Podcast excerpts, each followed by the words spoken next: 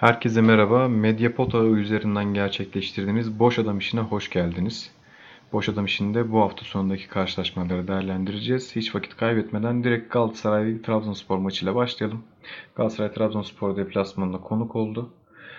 Ee, maçın Galatasaray ağırlıklı geçmesi bekleniyordu. Galatasaray'ın kontrolünde geçmesi bekleniyordu. Ligin başında iyi de bir performans sergilemişti Sarı Kırmızı'da ekip ama İstanbul'dan çıkarkenki planların Karadeniz'de tuttuğu pek söylenemez. Ünal Karaman Fatih Terim'den çok daha cüretkarcı bir oyun planıyla ve çok daha ikna edilmiş bir kadroyla sahaya çıktı. Ee, bunun neticesini çok süratli aldılar. Daha maçın başında skoru buldular ve oyunu hep ellerinde tuttular. Trabzonspor'un 4-0'lık galibiyetinde aslan payını sanırım Onazi'ye vermek gerekiyor. Kendisi adına kariyer maçlarından birine çıktığını söyleyebiliriz. Onazi'nin kariyerinde benim anımsamaya çalıştığım Fenerbahçe Lazio eşleşmesinin olduğu dönemde bir deplasmanda Kiev oyunu vardı. E, keza yine ligde Beşiktaş karşısında yine çok etkili oynamıştı. Bu benim anımsadığım ve kendi kariyerine dönüm noktası olacak CV'sini yazabileceği bir karşılaşma oldu. Sadece skor üretmesi anlamında değil. Galatasaray'ın orta alanındaki 3 oyuncuya da tek başına dominasyon sağladı diyebiliriz. Bu e, ortaya koyduğu futbol karakteri Yusuf'un da oyununu çok kolaylaştırdı ve Trabzonspor bir anda çok rahat şekilde pas yapabilen, oyununu istediği ölçüde genişleten, daraltan çok yetkin bir e, tabloyla karşımıza çıktı. Çok baskın bir oyundu. Burada tabii Fatih Terim'in e, Belhanda'nın kırmızı kartından sonraki e, skoru koruma çabası diyemeyiz ama tutuk bir kadro sürmeyi denedi. Niye öyle bir şey yaptığını bilmiyoruz. Takımı geri yasladı. Takımı e, orta sahanın gelirisine çekerek Trabzonspor'un daha da üzerine gelmesini istedi. Sanırım Trabzonspor'un iç, iç sahada oynamasının verdiği coşkuyla daha öne çıkacağını ve ancak bu şekilde eksik kaldıklarında e, skor üretebileceğini düşündü ama e, geride beklemek sanıldığının aksine ileride oynamaktan daha da yorucudur. Sürekli topu kovalarsınız ve hiçbir adım bile nefes alamazsınız. Örneğin siz oyun kurduğunuzda eğer oyunu sol bekten kuruyorsanız sağ bekin, sağ açığın, sağ iç oyuncusunun dinlenme süreleri olabilir. 5'er saniye, 10'ar saniye. Ama oyun sizin yarı sahanızda oynanıyorsa onların sürekli parmak ucunda hareket etmesi gerekiyor. Bu futbolcu için çok yorucu ki kırmızı kart sonrası da geçen o yarım saatlik periyotta Galatasaray'ın fiziği hayli düştü. Bu Galatasaray adına belki de iyi bir uyarı oldu. Biraz sert bir uyarı oldu. 4-0 küçümseyici bir skor gibi gelebilir ama bazı skorların e, sezon başında bu şekilde hırpalayıcı olması takımlarında çok daha e, umut vaat edici, plan hazırlayıcı olabiliyor. Galatasaray'ın çıkarması gereken ilk ders Belhanda'nın kesik yemesi olacak ki Fatih Terim bu dersi aldığını basın toplantısında söyledi. Basın toplantısında vermiş olduğu bir açıklasın bakalım bize sözü aslında bir veda konuşmasıydı. Fatih Terim'in sezon ortasında Belhanda'ya veda etmesini bekliyorum. Bundan ziyade Ndiaye çok Fatih Terim'in seveceği bir oyuncu. Ee, onunla büyük ihtimalle çok daha verimli e, bir orta alan düzeni yakalayacaktır. Yani Belhanda'nın savunma yönünün zayıf olmasından ziyade Ndiaye'nin o koşuculu, mücadeleci ve disiplinli hali e, Fatih Terim'in daha elini rahatlatacaktır. Galatasaray adına çok kötü bir mağlubiyet olduğunu söyleyemeyiz. Tüm takımlar gibi onlar da sezon başında biraz daha adaptasyon ve toparlanma sürecinden geçiyorlar. Eren Derdiyok'un eline baktıkları bu önümüzdeki 3 ay içinde ne kadar az hasar çıkarlarsa onlar için hem şampiyonluk hem de Şampiyonlar Ligi'nde ilerleme şansı, Avrupa'da ilerleme şansı o kadar artacaktır. Devre arasında bir transfer olacağı kesin. İyi bir transfer yapılmasını bekliyoruz. Bir bütçe ayrılacağı söylenmişti. Nef'in sponsorluğunda ayrıca takviye olacağı belirtilmişti. Bunları da takip ediyor olacağız. İsimler anılmaya başlayacaktır Ekim ayı ile itibaren. Hemen Fenerbahçe'ye geçelim. Fenerbahçe'de körler sağırlar birbirine ağırlar diye bir deyim vardır. Biraz öyle bir hal var. Ee, hafta başında herkes takıma moral verdi. Tüm camia birleşti. Hasan Ali özelinde artık kimse kızmamaya, ona söylenmemeye yemin etmişçesine e, ortak bir tavır belirledi. Karşılaşmaya da keza böyle çıkıldı. Ee, takım çok arzuluydu, çok istekliydi. Skoru elde edemediler. Savunma hataları fahiş düzeyde yani inanılmaz hatalar yaptılar. Ee, Harun'un belli ki adaptasyon süreci biraz sürecek. Ee, tüm bu peş peşe gelen hatalar mağlubiyete neden oldu. Tabloya genel olarak bakıldığında ligde 4 maçın 3'ünü kaybetmiş bir Fenerbahçe çok alışa gelmiş değil. Evet bu taraftarların asla e, razı gelecekleri, göz yumabilecekleri bir durum değil ama 11'e 11 transfer olması gerekiyor. Şu an yanlış hatırlayabilirim kusura bakmayın. 11 transfer yapıldı. Neredeyse iskeletin tamamı değiştirildi. Birçoğu genç oyuncular. Süper Lig'e çok uzak seviyelerden gelen oyuncular var. Ee, bu adaptasyonun bir aradalığın ve rakibi tanımayışın olması çok normal. Burada sadece Fenerbahçe'nin ve taraftarın hangi plan çerçevesinde birleşeceğine mutabakat sağlaması gerekiyor. Yani Fenerbahçe hemen şampiyonluk mu istiyor? Bu ne kadar gerçekçi veya ne kadar sabredebilir? Burada bir mutabakat gerekiyor. Bu kadar duygusal gelgitler içerisinde hem takım hem camia bölünme yaşayacaktır. Mutlak yaşanacak bu bölünmeden sonra ne kadar sağlam çıkabilir Fenerbahçe? Bu da şüpheli. Hafta içinde e, Ali Koç'un Fenerbahçe TV'de açıklama yapması bekleniyor. O büyük ihtimalle camia üzerindeki bulutları biraz dağıtacaktır. Zaten milli maç arası geldi. Burada basında da e, koku çok çalışıyor. Oyuncular inanılmaz hırslı haberlerini göreceğiz. Biraz daha taraftarın gaz alınacaktır.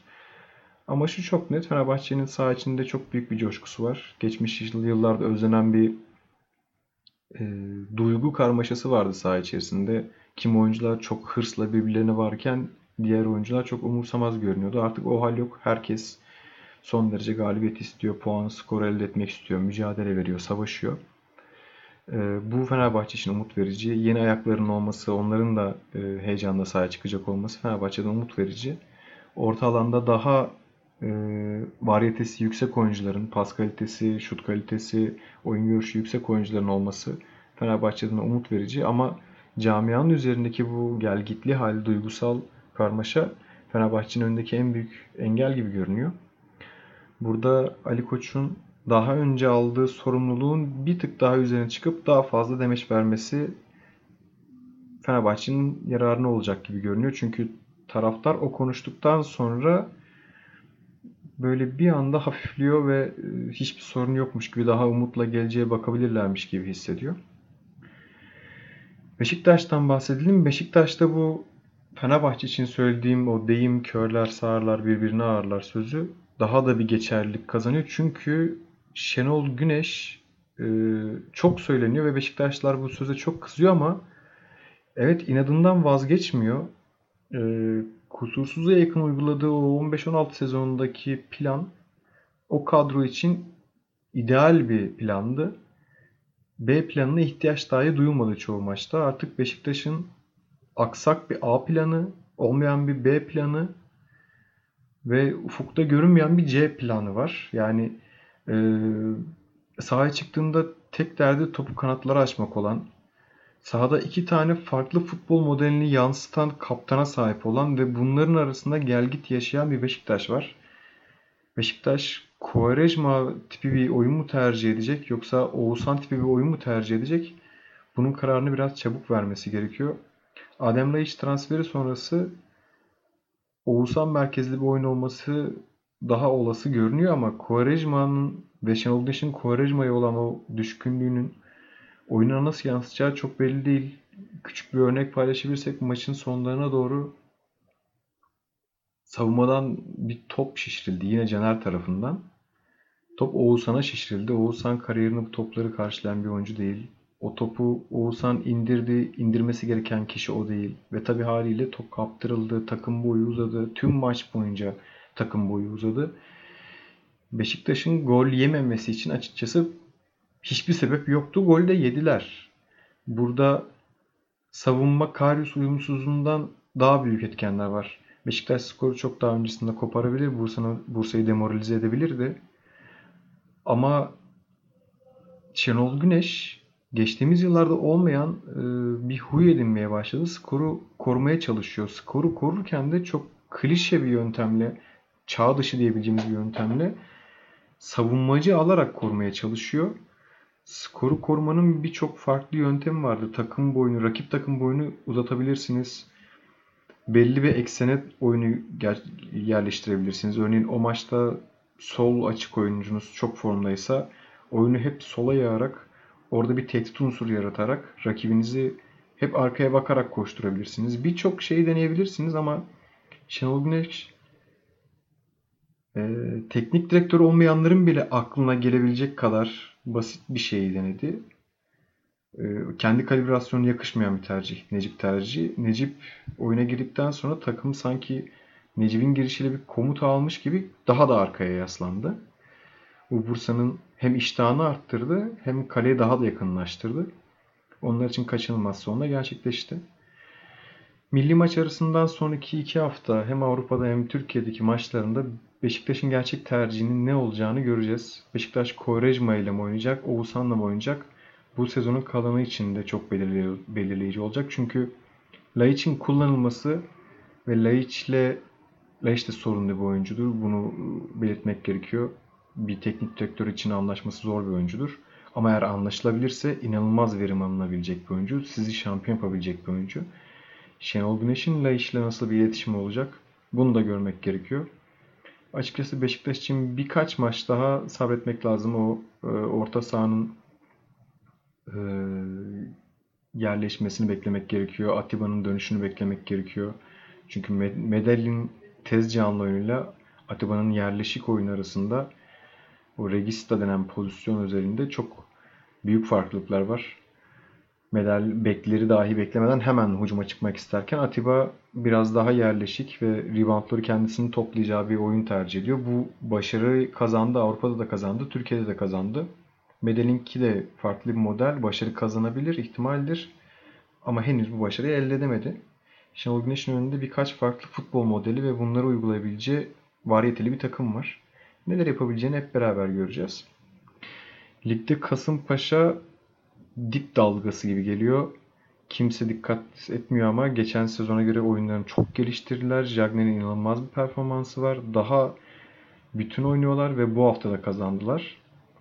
Onların e, bu gidişatlarının, bu başarılarının ne kadar süreceği ligin e, tayin açısından da çok kıymetli. Kasımpaşa benzeri bir takımın zirvede kalacak olması, oradaki mücadeleyi sürdürecek olması e, köpek koşusundaki bir tavşan misali İstanbul'un büyüklerini, Bursa'yı, Trabzon'da çok etkileyecek.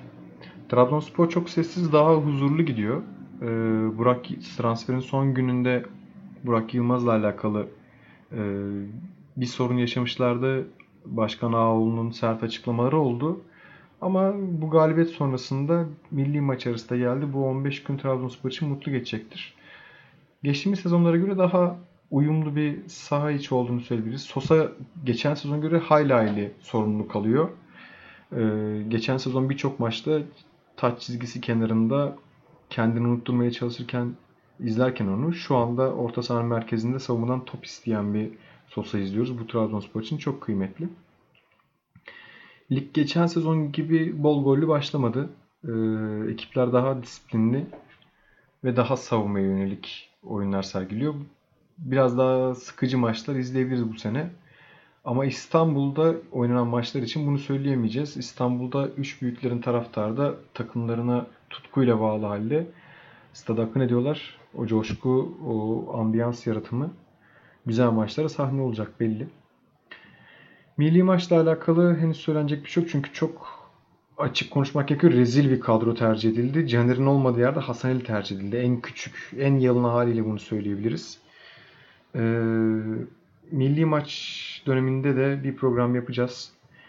Lucescu'nun tercihlerini, ileride kimlerin çağrılabileceğini ve federasyonun genel yapısını değerlendireceğiz. Dördüncü haftanın değerlendirmesini yaptık. Ee, bir dahaki programda görüşmek üzere diyelim. Hoşçakalın.